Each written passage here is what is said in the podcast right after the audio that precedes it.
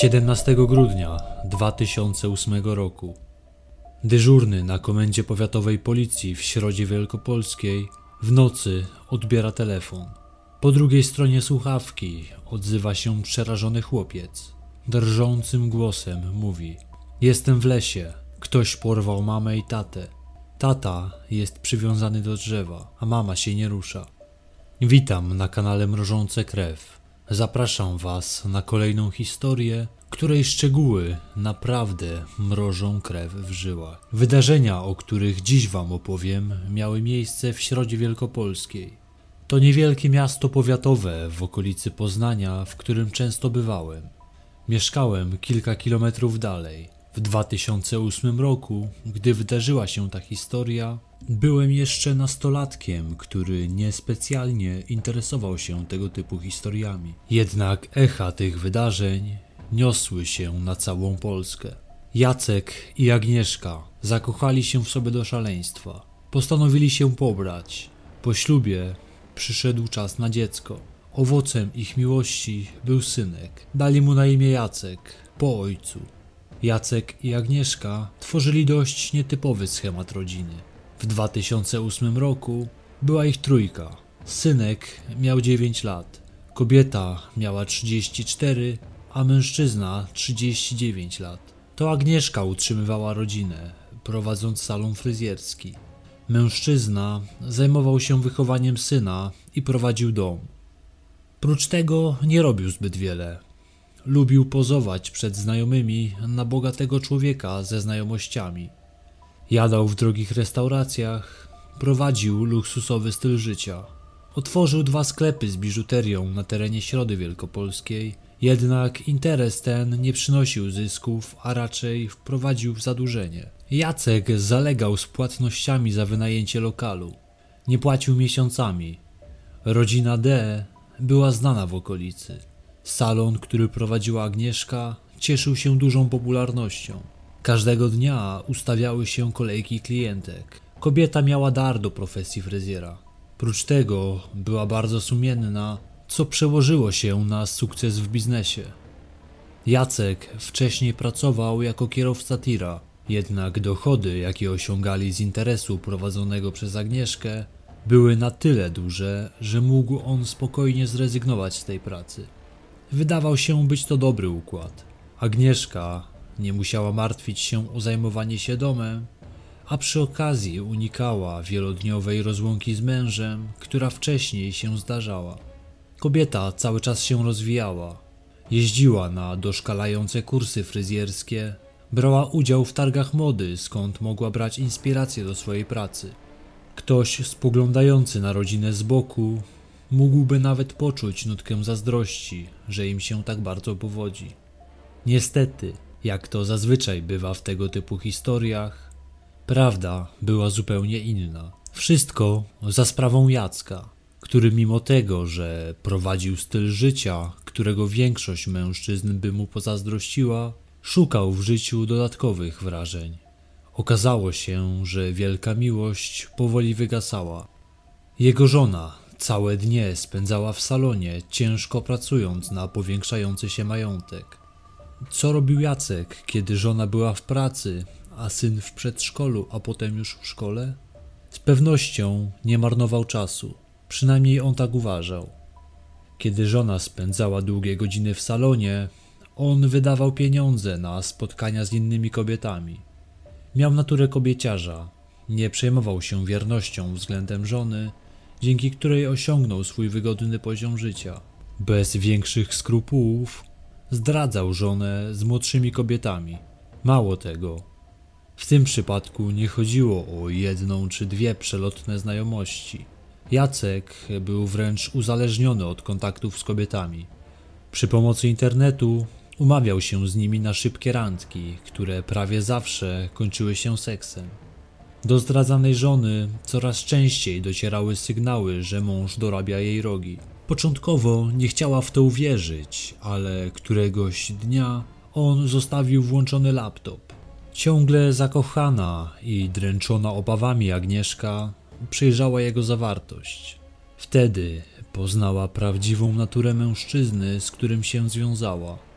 Dowiedziała się o nim rzeczy, których nie podejrzewała w najśmielszych przypuszczeniach. Na laptopie, prócz dziesiątek konwersacji z młodymi kobietami, które zawsze miały pikantne zabarwienie, Agnieszka znalazła filmy, na których odbywają się orgie w wykonaniu Jacka ze swoimi kochankami. Kobieta natrafiła na wiele takich filmów. W jednej chwili jej świat się zawalił. Mężczyzna, którego kochała, okazał się kłamcą i zboczeńcem. Nie miała innego wyjścia, jak skończyć z takim związkiem. Przez jakiś czas starała się walczyć o ten związek dla dobra syna. Jednak zachowanie Jacka stawało się nie do zniesienia. Już w kwietniu 2008 roku kobieta zawiadomiła policję w Środzie Wielkopolskiej, iż jej mąż posiada broń i grozi, że przez ich nieporozumienia popełni samobójstwo. W efekcie na początku grudnia cofnięto mu pozwolenie na broń. W połowie 2008 roku postanowili się rozstać. Kobieta skarżyła się koleżankom, że mąż ją maltretuje i nastawia przeciw niej chłopca. W końcu zdecydowała się wyprowadzić z domu. Zamieszkała ze swoimi rodzicami w Nagradowicach. To niewielka wioska oddalona od środy o kilkanaście kilometrów. Początkowo żyli w separacji. Może kobieta łudziła się, że dla dobra dziecka Jacek się zmieni.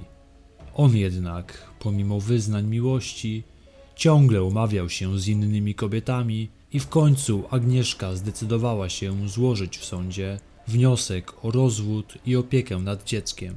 Perspektywa utraty majątku pchnęła męża do desperackich kroków. Do tej pory synem zajmował się Jacek. Co jakiś czas trafiał on do mieszkania matki pod jej opiekę. Chłopiec nie chciał zamieszkać z matką. Przyjaciółka Agnieszki opowiada, że syn, szczególnie w ostatnich miesiącach, stał się obcy wobec niej. Słyszała, jak powiedział, że nie jest już jego mamą. Niechęć chłopca względem matki była poniekąd zrozumiała. Jeśli ojciec spędzał z nim 80% czasu, to nic dziwnego, że syn trzymał właśnie jego stronę. Przy okazji Jacek korzystał ze sposobności i przy każdej możliwej okazji przedstawiał matkę w złym świetle, by mały zniechęcił się do niej. Ojciec wtajemniczył syna w podstępny plan skompromitowania Agnieszki jako matki. Otóż, kiedy mały Jacek znajdował się pod opieką matki, to miał poczęstować ją sokiem, w którym rozpuszczona była amfetamina. Plan był prosty – powiadomić policję, że wyrodna matka, będąc pod wpływem narkotyków, opiekuje się dzieckiem. Na szczęście kobiecie dziwny smak soku wydał się podejrzany, a syn, pytany o szczegóły, zaczął się dziwnie zachowywać. Więc na wszelki wypadek Agnieszka zawiozła butelkę na policję. Wkrótce okazało się, że policyjni laboranci wykryli duże ilości narkotyków w soku. Trzeba przyznać, że udział dziewięciolatka w takiej intrydze wydaje się być niepokojący. Jednak miejmy na względzie, że chłopak od lat był pod ogromnym wpływem ojca. To z nim spędzał całe dnie i to on był dla niego autorytetem. W sytuacji, gdy znalazł się pod opieką matki, a jednocześnie ojciec buntował go przeciwko niej i opowiadał mu, jaka jest niedobra, syn opowiedział się po jego stronie. Ta sytuacja zaogniła konflikt między parą. Jacek przestał udawać potulnego baranka, zakochanego i walczącego o uratowanie związku. Szybko zamienił się w brutala, który zdolny był do awantur, wyzwisk, bijatyk, a nawet straszenia śmiercią. Zdesperowana kobieta nie miała wątpliwości, że małżeństwa nie da się już uratować. Wszelkie przejawy agresji męża zgłaszała na policji. Została założona niebieska karta dla osób zagrożonych przemocą domową. Policjanci odebrali Jackowi D. prawo do posiadania broni, lecz na tym ich działanie się skończyło. Proces o podrzucenie w soku amfetaminy nie zdążył się rozpocząć. Zanim do niego doszło, sprawa nabrała na tyle poważny obrót, że sprawa soku wydawała się być już nieistotna. Agnieszka była bardzo przerażona obrotem wydarzeń w ostatnich tygodniach.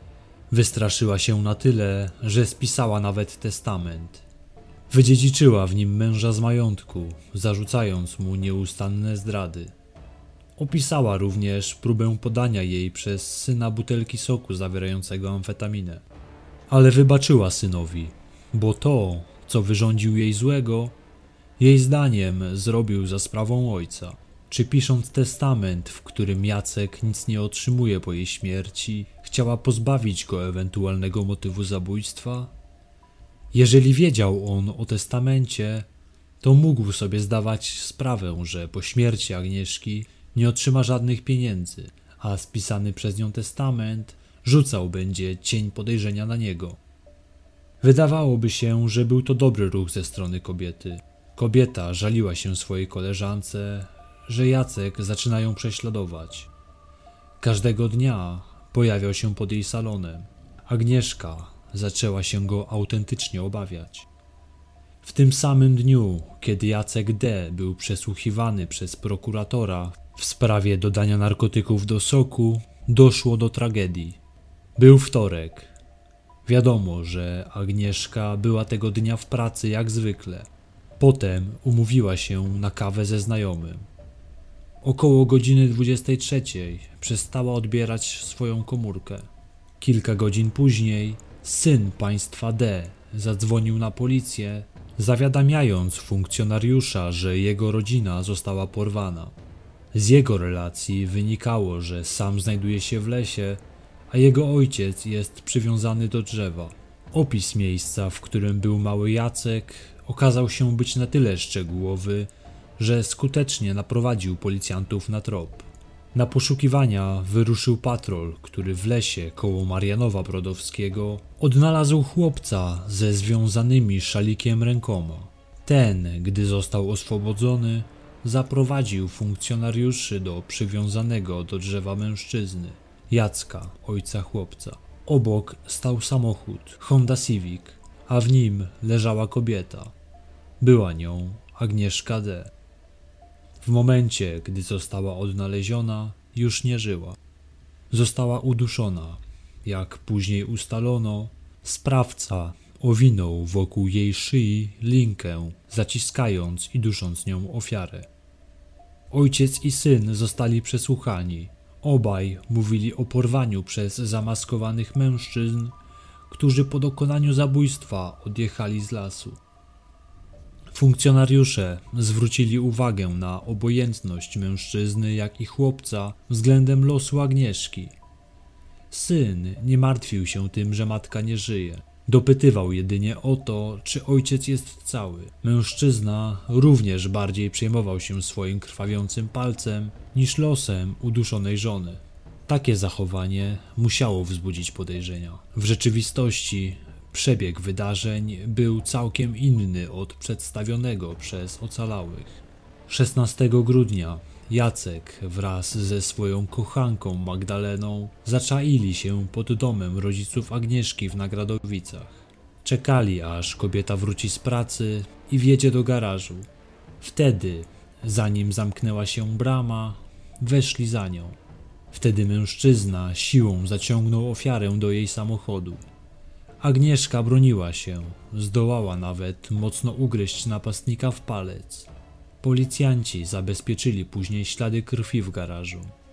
Jej autem ruszyli dalej. Podczas jazdy Agnieszka miała prosić, aby Jacek ją wypuścił i nie robił głupstw. Obiecała też, że wycofa sprawę rozwodową. On miał wtedy jej powiedzieć, że jest już za późno na tego typu rzeczy. Pojechali do domu, nad zakładem fryzjerskim, gdzie czekał na nich dziewięcioletni syn. Razem pojechali do lasu pod Środą Wielkopolską. Wtedy, przy użyciu przemocy, zmusił żonę do tego, by rozebrała się do bielizny. Wszystko to działo się na oczach syna. Jedna z wersji, którą przedstawia portal Niezależna, mówi, że po dotarciu do lasu Mężczyzna kazał Magdalenie odejść z dzieckiem od samochodu, by oszczędzić im widoku. Wtedy wyciągnął linkę i udusił żonę. Po dokonaniu zbrodni rozebrał się i wytarzał w ziemi. Kochanka przywiązała go do drzewa. Równocześnie zwyrodnialec instruował dziecko, jak ma okłamywać policjantów. Tam okrutny zabójca udusił żonę i upozorował porwanie przez bandytów. Natomiast Magdalena, jak i syn twierdzą, że sprawa wyglądała nieco inaczej. Zdaniem kochanki nie wiedziała ona o zabójstwie, zatem nie mogłaby związać Jacka po dokonaniu morderstwa. W całą akcję wtajemniczony z pewnością był mały Jacek. To on wtedy zadzwonił na policję i poinformował o porwaniu rodziców. Był on tak zmanipulowany przez ojca, że podczas przesłuchań cały czas opowiadał jedną historię. Nieznani sprawcy porwali ich rodzinę i wywieźli do lasu. Powtarzał to niczym zacięta płyta. Tak samo opowiadał ojciec. Dla niego było jasne, że za morderstwo odpowiadała mafia, która chciała zemścić się za to, że Agnieszka nie chciała płacić haraczu. Zemsta gangsterów była okrutna. Podał nawet ich pseudonimy. Twierdził, że to gangsterzy mieszkający w pobliskiej wrześni. Jednak policjantom ta historia od razu wydawała się bardzo dziwna.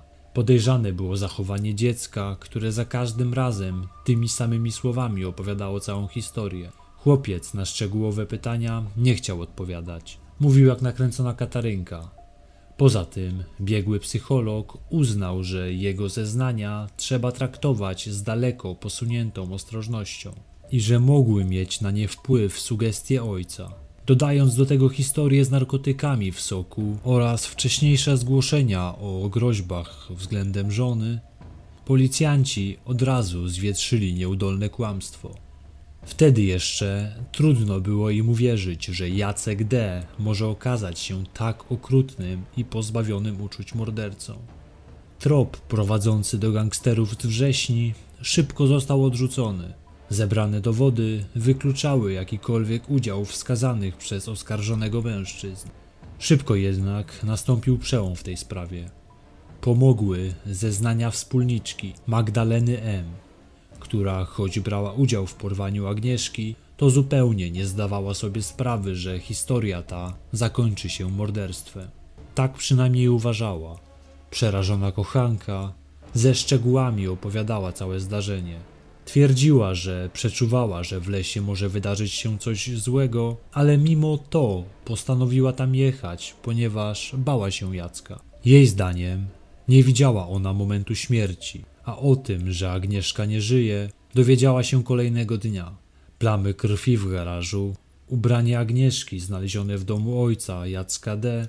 potwierdziły, że mówiła ona prawdę. Tak w późniejszych zeznaniach mówił syn ofiary. Była to noc. Jeździliśmy samochodem z tatą. Wiem dlaczego jeździliśmy, ale nie chcę powiedzieć. Zatrzymaliśmy się przed salonem. Wiem na co czekaliśmy ale nie chcę odpowiedzieć na to. W lesie była jeszcze mama. Stałem kawałek obok samochodu. Tata kazał mi się odwrócić i nie patrzeć. Nic więcej nie słyszałem. Nie wiem, co robiła pani Magda. Nie wiem, gdzie była moja mama. Wiem, że była z nimi. Nie słyszałem, żeby ktoś płakał, czy żeby ktoś krzyczał. Ja nie pamiętam, jak długo stałem odwrócony, ale około 20-30 minut. Później mogłem się już odwrócić. Tata mówił, żebym nie zaglądał do samochodu. Jacek D. trafił do aresztu. Jego synem zaopiekował się brat Agnieszki, który na co dzień jest policjantem. Okrutną zbrodnią przez wiele dni żyła cała środa. O winie mężczyzny, prócz zeznań Magdaleny, Ostatecznie przekonały policjantów wyniki badań zabezpieczonych na miejscu zbrodni dowodów, w tym próbek DNA. Jego ślady zostały zabezpieczone na lince, którą uduszono kobietę. W styczniu 2011 roku sąd w Poznaniu ogłosił wyrok dożywocia. Zgromadzona na widowni publiczność, głównie rodzina oraz znajomi zamordowanej, biła brawo. Magdalena M. za pomoc w zbrodni usłyszała wyjątkowo łagodny wyrok. Tylko 4,5 roku pozbawienia wolności. Sąd, jako okoliczność łagodzącą, Potraktował jej współpracę z policją, przyznanie się do winy i wyrażoną na sali rozpraw skruchę. Sędzia Łuczak tłumaczył, że kochanka nie wiedziała o planowanym zabójstwie i została w nie wciągnięta. Jest jednak winna, bo nie powstrzymała Jacka. Leon D., ojciec mordercy, za zniszczenie dowodów zbrodni dostał wyrok roku więzienia w zawieszeniu na trzy lata. Prócz tego otrzymał karę grzywny. Oskarżony podczas śledztwa, ale i podczas procesu nie przyznawał się do winy. Oczywiście złożono apelację dotyczącą wyroku sądu pierwszej instancji. Adwokat w procesie apelacyjnym wskazywała na konieczność powołania kolejnego biegłego, który miał orzec, jaki wpływ na zachowanie Jacka D. miała jego choroba, padaczka. Próbowała też wskazać na błędy podczas sekcji zwłok zamordowanej. Wskazywała na prywatną opinię lekarza medycyny sądowej, która nie została podpisana. Miało to wskazywać, że w śledztwie doszło do zaniedbań. Sąd odrzucał jednak konsekwentnie wszystkie te argumenty. Nie dał podważyć opinii biegłych, a argumenty obrony uznał jedynie za próbę dyskredytacji czy też polemikę. Jacek, wiedząc, że dotychczasowa wersja nie przejdzie, postanowił zmienić swoje stanowisko. Przedstawił całkiem inną wersję wydarzeń od tej, którą podawał wcześniej. Tłumaczył, że do pojechania do Nagradowic do żony namówiła go Magdalena. Chciała, aby Jacek z nią porozmawiał o zabraniu pieniędzy oraz narkotyku, jaki miała kupić i próbować podać swojemu mężowi. Jacek początkowo nie chciał, ale się zgodził. W Nagradowicach Jacek i Magdalena mieli wejść do garażu, kiedy tylko wjechała tam Agnieszka. To Magdalena, według słów Jacka, miała napaść na jego żonę. Kobiety się pobiły, zaś Jacek, próbując je rozdzielić, został ugryziony w palec przez żonę. Kiedy sędziowie, a także grupa dziennikarzy przysłuchujących się sprawie nie mogła uwierzyć w te słowa, oskarżony kontynuował. Otóż według wersji, którą przedstawiał, wszyscy oni pojechali do Środy, do firmy Kadus, czyli do salonu fryzjerskiego, którego Agnieszka była właścicielką. Tam opatrzyć mieli palec Jacka. Stwierdził też, że gdyby żona czuła się zagrożona, mogła, wchodząc do firmy, nacisnąć na alarm, ale tego nie zrobiła. To miało świadczyć o tym, że to nie było porwanie. W Kadusie Jacek i Magdalena mieli stwierdzić, że Agnieszkę należy ukarać. Dlatego też wywiozą ją za miasto i zostawią tam w samej bieliźnie. Agnieszka miała zgodzić się na taką karę, tylko poprosiła, aby mogła zostać w kozakach. Wszyscy pojechali do lasu w Marianowie Brodowskim. To tam, jak mówił w sądzie apelacyjnym w Poznaniu Jacek, Magdalena, słysząc cyniczne słowa Agnieszki, miała podbiec do niej i uderzyć ją w krtań, a potem jeszcze się szamotać. Doprowadziło to do śmierci właścicielki salonu fryzjerskiego. Wtedy w panice miała powstać wersja z porwaniem. Sąd apelacyjny pod przewodnictwem sędziego Przemysława Stracha nie dał wiary tym zeznaniom. Podtrzymał w tej sytuacji wyrok sądu pierwszej instancji. Wskazał, że postępowanie sądu okręgowego w Poznaniu w tej sprawie było wzorcowe, bardzo analityczne i skrupulatne. Rozprawa nie odbyła się na podstawie poszlak, ale na podstawie zeznań dwóch świadków wydarzeń, dowodów oraz skrupulatnych opinii biegłych. Oba sądy podkreślały wyjątkową okrutność zbrodni i kompletny brak skruchy. Morderca nie dość, że zabił żonę, to jeszcze napiętnował własne dziecko. Dla niego będzie to trauma na całe życie. Zgodnie z decyzją sądu rodzinnego, chłopiec znajduje się pod opieką rodziny zamordowanej matki. Ojciec chłopca ma zakaz kontaktów z synem. Jednak Jacek D., odsiadując wyrok dożywocia, dokładnie po ośmiu latach od morderstwa postanowił znowu zabłysnąć i upomniał się o majątek po zmarłej żonie. Jest to o tyle dziwne, że w trosce o interes ich syna, rodzina już w 2013 roku wystąpiła o uznanie Jacka D. za niegodnego dziedziczenia. Sąd przychylił się do tego wniosku. Od tego momentu Jacek nie ma szans na jakiekolwiek pieniądze związane z majątkiem Agnieszki. Mimo tego mężczyzna postanowił domagać się jej majątku. Właścicielem zakładu fryzjerskiego jest już ktoś inny. Dobrze prosperujący zakład prowadzi były pracownik i przyjaciel Agnieszki. Samochody po tylu latach także straciły na wartości. Oczywiście, jeżeli nie zostały również sprzedane. Do podziału pozostaje jeszcze mieszkanie w bloku i dom pod Środą Wielkopolską. Jedynym spadkobiercą jest syn Agnieszki. Czy Jacek jest na tyle bezwzględny, by walczyć ze swoim synem, któremu odebrał matkę i prawo do majątku? Tak naprawdę w przypadku Jacka nic mnie nie zdziwi. To już wszystko, co chciałem Wam przekazać w tej sprawie. Mam nadzieję, że jej dotychczas nie słyszeliście i udało mi się przybliżyć Wam coś nowego. Jest to bardzo smutna historia. Agnieszka miała przed sobą świetlaną przyszłość. Jej kariera fryzjerki cały czas się rozwijała. Nie była naiwną kobietą, która potulnie poddawała się woli męża. Była silna i potrafiła powiedzieć nie. Gdy dowiedziała się o zdradach męża, postanowiła się z nim rozstać. Groźby i próbę otrucia amfetaminą zgłosiła natychmiastowo na policję. W moim odczuciu zrobiła ona wszystko, co mogła, by chronić się przed niebezpiecznym mężem. Jednak mimo wszystko nie udało się zapobiec tej tragedii. Czy można było jej w ogóle uniknąć? Wcześniejsze sygnały sugerowały, że może dojść do tragedii. Jacek jednak nadal pozostawał na wolności i policja nie przeszkodziła mu w realizacji swojego makabrycznego planu. Może gdyby wcześniejsze zgłoszenia Agnieszki potraktowano poważniej, Jacek trafiłby do aresztu. Trudno powiedzieć. Mam nadzieję, że sprawca nigdy nie opuści więzienia.